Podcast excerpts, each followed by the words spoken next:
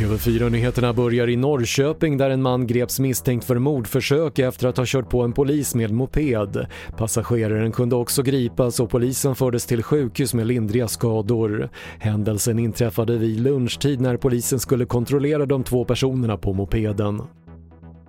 Nio personer har anhållits misstänkta för inblandning i skottlossningen söder om Stockholm igår kväll då två små barn skadades.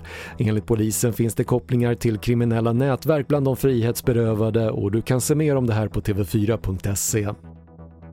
Storbritanniens premiärminister Boris Johnson tvingas isolera sig efter att landets hälsominister testat positivt för covid-19. Imorgon hävs många restriktioner i Storbritannien men samtidigt har man de högsta smittonivåerna sedan i januari. Och svenskarna flockas vid hemesterparadisen när många stannar hemma under den andra pandemisommaren. På många ställen är bokningstrycket högt och på vissa håll ligger man till och med en bra bit över 2019 års siffror, alltså året före pandemin. Det var det senaste från TV4 Nyheterna. Jag heter Patrik Lindström.